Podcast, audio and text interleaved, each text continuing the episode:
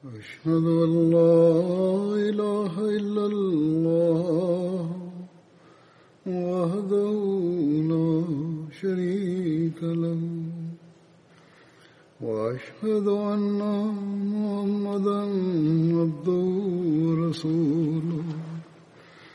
أما بعد فأعوذ بالله من الشيطان الرجيم. بسم الله الرحمن الرحيم. الحمد لله رب العالمين. الرحمن الرحيم. مالك يوم الدين. إياك نعبد وإياك نستعين اهدنا الصراط المستقيم صراط الذين أنعمت عليهم غير المغضوب عليهم ولا الضالين Pada pagi tadi, kita telah melaksanakan salat id. Hari ini juga bertepatan dengan hari Jumat. Jika id dan Jumat menyatu dalam satu hari, kita temukan sabda Rasulullah Sallallahu Alaihi Wasallam bahwa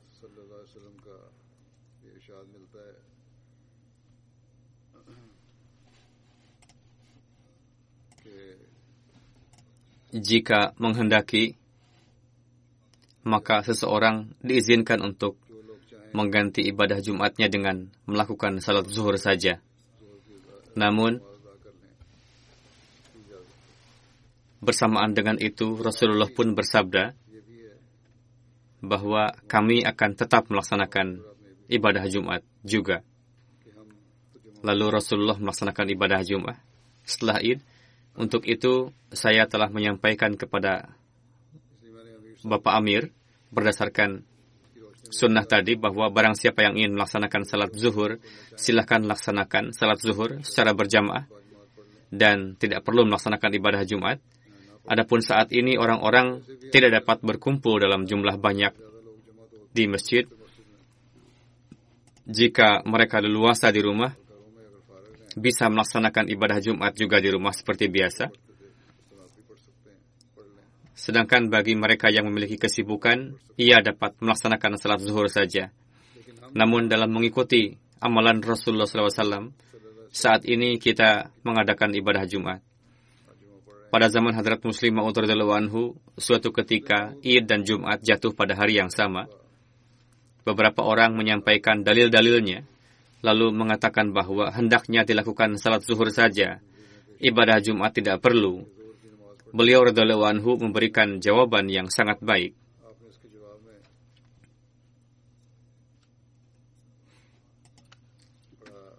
Beliau bersabda,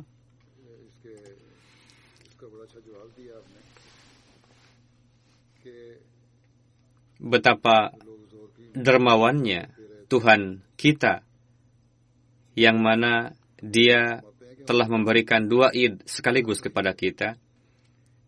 Bagi mereka yang akan mendapatkan dua roti capati dengan bertaburkan ghi, lantas kenapa pula ia mengingkari yang satunya?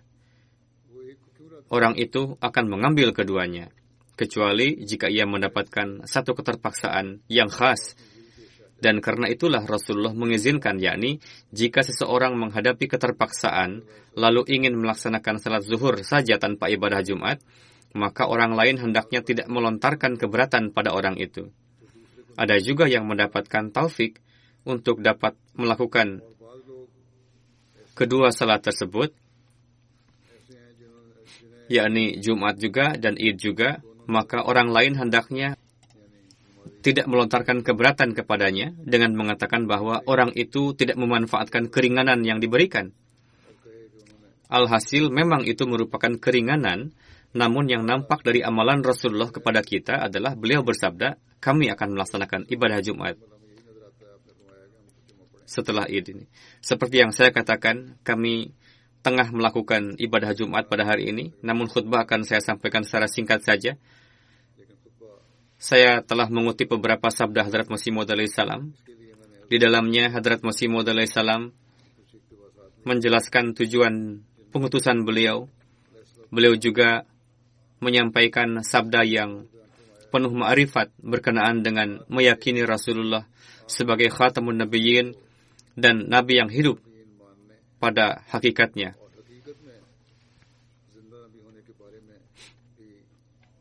Beliau juga menjelaskan perihal makom dan martabat Rasulullah Sallallahu Alaihi Wasallam. Para penentang melontarkan keberatan kepada kita dengan mengatakan bahwa dengan beriman kepada Hadrat Masih Maud salam, nauzubillah, kita telah mengurangi makom dan martabat Rasulullah. Nauzubillah para penentang telah meluluskan resolusi di Assembly Pakistan dan setelah itu merasa bangga. Mereka mengatakan, coba lihat, kami menganggap lazim untuk menambahkan gelar khatamun nabiyyin setelah menyebut nama Rasulullah yang mana merupakan penzahiran kecintaan yang dalam kepada Rasulullah dan menzahirkan makom beliau sallallahu alaihi wasallam.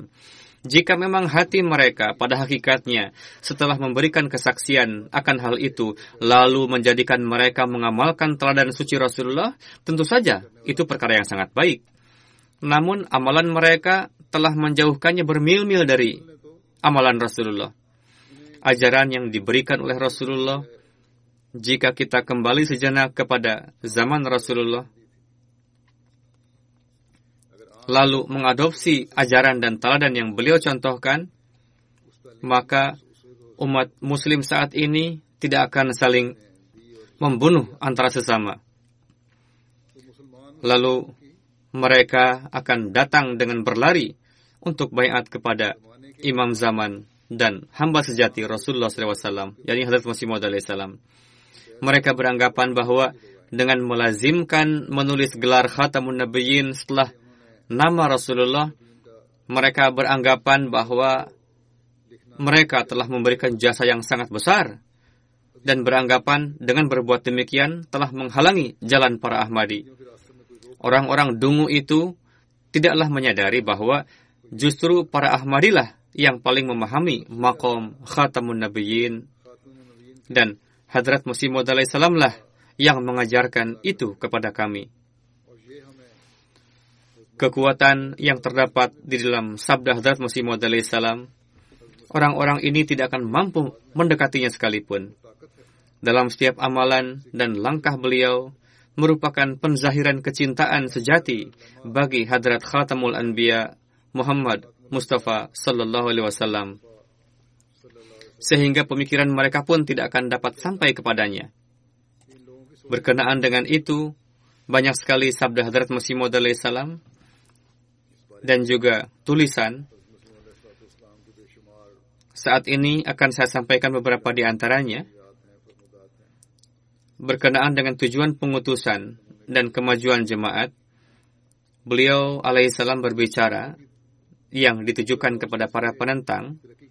Beliau bersabda, kedatanganku memiliki dua tujuan.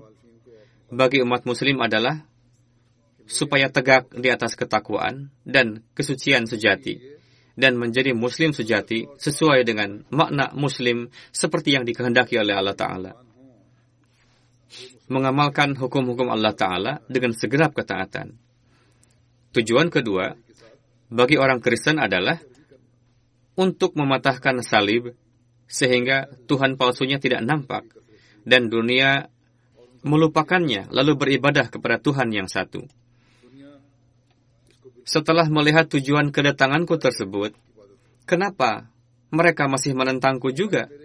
Mereka hendaknya ingat bahwa amalan yang dilakukan dengan kemunafikan dan kehidupan dunia yang kotor, maka akan binasa dengan sendirinya disebabkan oleh racun tersebut. Jika memang di dalam hatiku terdapat kemunafikan, kekotoran, maka tidak akan ada keberkatan dalam perbuatan yang seperti itu. Bahkan hasilnya serta-merta akan zahir. Lalu akan binasa dan sirna. Beliau bersabda, apakah seorang pendusta bisa berhasil? Innallaha la yahdi man huwa musrifun kazzab.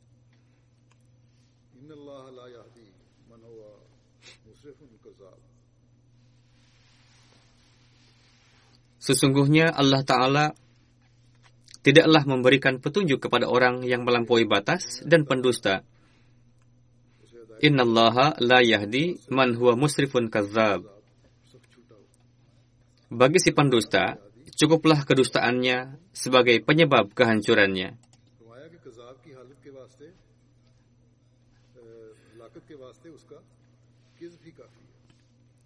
Namun perbuatan yang bertujuan untuk menzahirkan keperkasaan Tuhan dan keberkatan Rasulnya, dan juga sebagai bukti dan merupakan tanaman yang ditanam oleh tangan Tuhan sendiri, maka malaikat sendirilah yang akan melindunginya, bukanlah tugas manusia. Ketika Allah telah memulai pekerjaan ini, maka malaikatlah yang akan menjaganya. Siapa yang dapat menghancurkannya? Ini merupakan tantangan Seberapa besar penentangan dihadapi, sebesar itu pula lah kemajuan jemaat yang dialami dengan karunia-Nya. Ingatlah, jika memang jemaat ini sifatnya murni duniawi, maka akan hilang sampai ke akar-akarnya. Namun jika jemaat ini berasal dari Allah Ta'ala, dan sesungguhnya berasal dari Allah Ta'ala memang, sekalipun seluruh dunia menentangnya, maka tetap akan tumbuh berkembang. Malaikat akan menjaganya. Jika tidak ada yang menyertaiku, walau seorang, dan tidak ada yang membantu, tetap saja saya meyakini bahwa jemaat ini akan berhasil. Beliau bersabda, aku tidak memperdulikan penentangan. Itu akan selalu ada. Aku menganggap penentangan sebagai suatu keniscayaan bagi kemajuan jemaat. Tidak pernah terjadi di mana ketika utusan atau khalifah Allah Ta'ala datang ke dunia, lalu orang-orang menerimanya dengan senang hati. Tidak pernah ada seperti itu. Sungguh aneh kondisi dunia. Bagaimanapun manusia memiliki fitrat yang benar, namun yang lainnya tidak mau melepaskannya untuk terus melontarkan keberatan kepadanya. Dengan karunia Allah Ta'ala, kemajuan jemaat kita terjadi secara luar biasa. Pada hari ini, kita menyaksikan terdapat lebih dari 200 negeri, terdapat orang-orang mukhlis, orang-orang yang bayat kepada beliau alaihissalam. Ketika beliau alaihissalam bersabda, saat itu jumlah Ahmadi masih ratusan.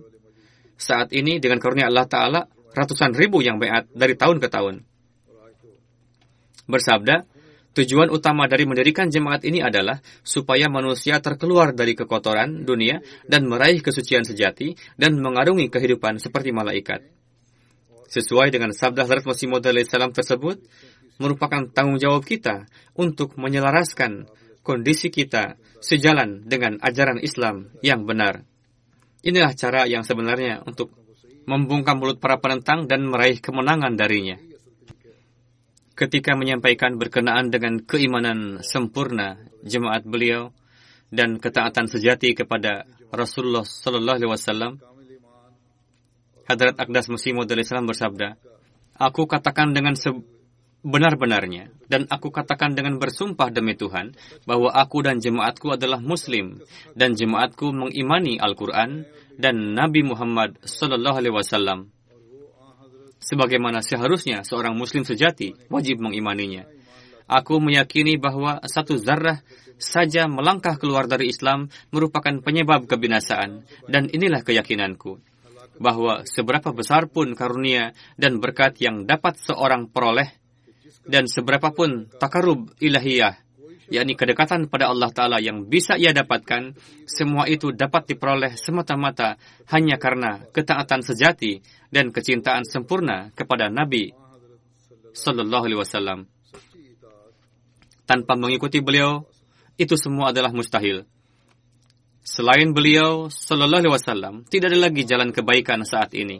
Adalah benar bahwa aku pun sama sekali tidak percaya Nabi Isa alaihissalam telah naik dan hidup di langit dengan tubuh jasmaninya dan sampai sekarang masih hidup.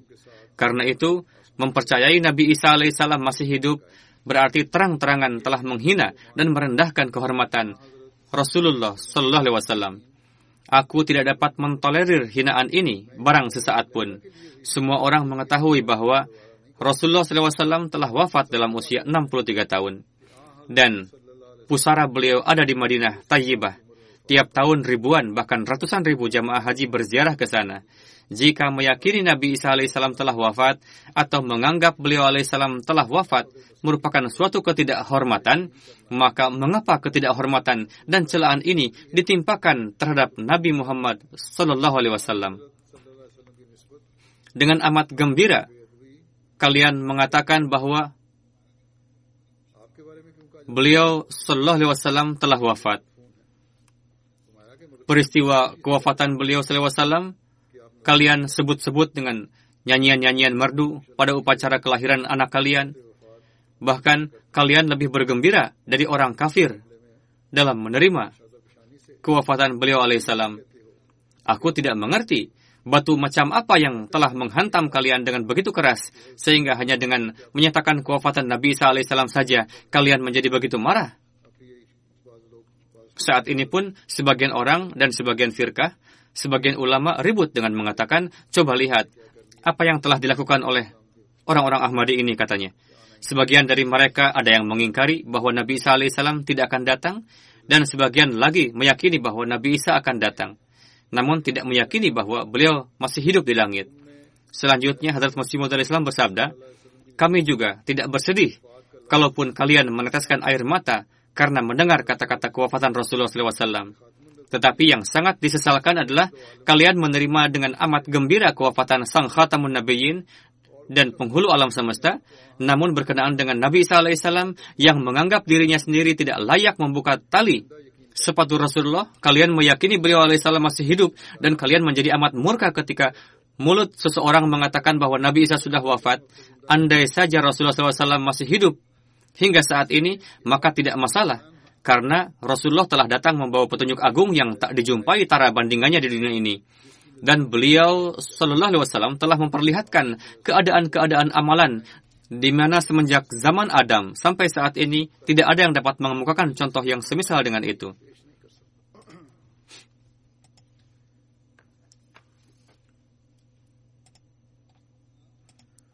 Beliau bersabda, Aku katakan kepada kalian dengan sebenar-benarnya bahwa kaum muslimin dan bahkan seluruh dunia lebih membutuhkan wujud Rasulullah daripada wujud Nabi Isa alaihissalam.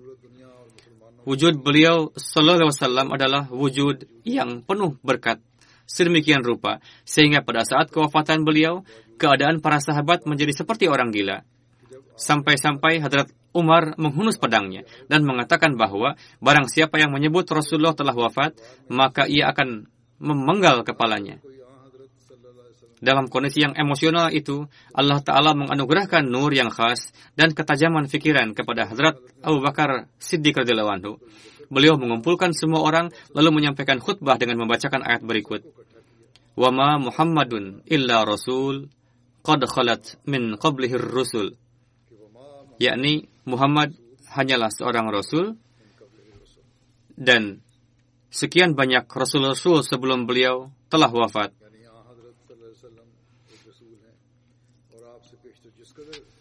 Sekarang renungkanlah oleh Anda, fikirkanlah, katakan, mengapa Hadrat Abu Bakar Siddiq radhiyallahu anhu membacakan ayat ini pada saat kewafatan Hadrat Rasulullah? Apakah maksud serta tujuan beliau? Dan beliau membacakannya dalam kondisi di mana semua sahabat hadir. Dengan sesungguhnya, aku katakan, dan Anda pun tidak dapat mengingkari bahwa karena wafatnya Hadrat Rasulullah, hati para sahabat dilanda kesedihan teramat dalam. Mereka menganggap kewafatan Rasulullah itu tidak dan belum pada waktunya. Mereka tidak terima mendengar kabar bahwa Hadrat Rasulullah SAW telah wafat. Kondisi dan keadaannya sedemikian rupa sehingga Hadrat Umar radhiyallahu sebagai seorang sahabat yang gagah berani pun tidak dapat mengendalikan keamarah, kemarahannya. Di tengah keadaan yang mengharukan itu, ayat ini membuat beliau menjadi tenang. Seandainya mereka mengetahui dan berkeyakinan bahwa Hadrat Isa alaihissalam masih hidup, maka hal itu tentu akan menggoncangkan jiwa mereka. Mereka adalah pecinta Hadrat Rasulullah SAW, dan selain hidupnya, beliau Sallallahu Alaihi Wasallam, mereka tidak dapat menerima kehidupan orang lain. Lalu bagaimana bisa mereka meyakini Nabi SAW masih hidup, sedangkan mereka menyaksikan kewafatan beliau SAW di hadapan mata kepala mereka sendiri? Ketika Hadrat Abu Bakar anhu berkhutbah, gejolak mereka menjadi reda. Saat itu para sahabat membaca ayat ini di jalanan kota Madinah dan merasa seolah-olah baru saat itulah ayat tersebut turun. Hadrat Hasan bin Thabit radhiyallahu anhu menulis sebuah syair yang di dalamnya beliau mengatakan kuntas sawada linaziri fa'ami alaihi an-nazir man sya'af ba'daka falyamut fa'alaika kunta uhaziru. Karena ayat di atas menyatakan bahwa semua telah wafat, maka Hadrat Hasan pun mengatakan, sekarang tidak kuperdulikan kematian siapa pun. Pahamilah dengan sesungguhnya, terlalu sulit bagi para sahabat untuk percaya bahwa seorang nabi lain masih hidup sedangkan Hadrat Rasulullah telah wafat dan mereka tidak dapat menerima hal itu. Dengan demikian, ini merupakan ijma' pertama yang terjadi di dunia setelah wafatnya Hadrat Rasulullah SAW dan di dalamnya telah pula diputuskan perihal kewafatan Hadrat Isa alaihissalam. Selanjutnya berkenaan dengan makom dan martabat Rasulullah SAW, Hadrat Akdas Masih Maud alaihissalam bersabda, Dialah manusia yang dengan zatnya, sifatnya, perbuatannya, amalannya, dan dengan ruhani dan kedahsyatan daya kesuciannya, telah menampilkan teladan kesempurnaan secara keilmuan, amalan, kebenaran, dan keteguhan, dan disebut sebagai insan kamil, tidak ada sisi yang tersisa. Beliau merupakan teladan dalam keilmuan, amalan, standar kebenaran, keteguhan, dan ilmu ma'rifat juga. Beliau disebut juga sebagai insan kamil. Selanjutnya, beliau bersabda, Dialah insan yang paling kamil, dan merupakan manusia dan juga nabi sempurna. Dia datang bersama dengan keberkatan sempurna yang disebabkan oleh kebangkitan rohani dan hasyr atau dikumpulkan sehingga kiamat pertama dunia zahir alam dari suatu alam yang telah mati berkat kedatangannya menjadi hidup kembali yakni mereka mendapatkan kehidupan rohani dialah nabi berberkat hadrat khatamul anbiya imamul asfiya khatamul mursalin fakhrun nabiyyin Tuhan Muhammad Mustafa Sallallahu Alaihi Wasallam.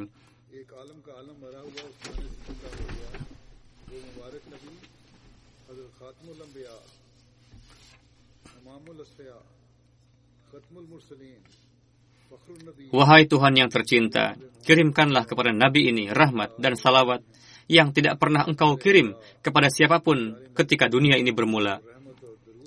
Jika Nabi Agung ini tidak datang ke dunia, maka kami tidak memiliki bukti akan kebenaran segenap para nabi kecil yang datang ke dunia seperti Nabi Yunus, Nabi Ayub, Nabi Isa ibn Maryam, Nabi Malaki, Nabi Yahya, Nabi Zakaria dan lain-lain. Meskipun kesemuanya merupakan sahabat kekasih Allah Ta'ala yang mulia. Merupakan ihsan dari sang Nabi yang karenanya para nabi tadi diyakini kebenarannya di dunia ini. Allahumma salli wa sallim wa barik alaihi wa alihi wa ashabihi ajma'in. Wa akhiru da'wana anilhamdulillahi rabbil alamin. Semoga Allah Ta'ala senantiasa menganugerahkan pengenalan sejati akan makom dan martabat hadrat Rasulullah SAW dan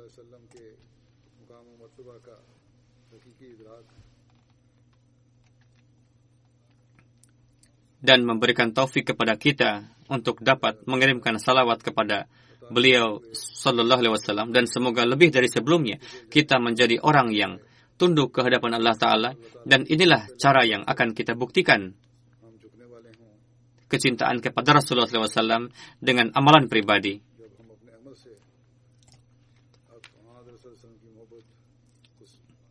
Kita akan tanamkan itu dalam kalbu kita sehingga kita akan dapat menjawab penentangan para penentang jemaat, yakni kondisi rohani kita akan menjawab penentangan para penentang. Semoga Allah telah memberikan taufik untuk itu. Amin.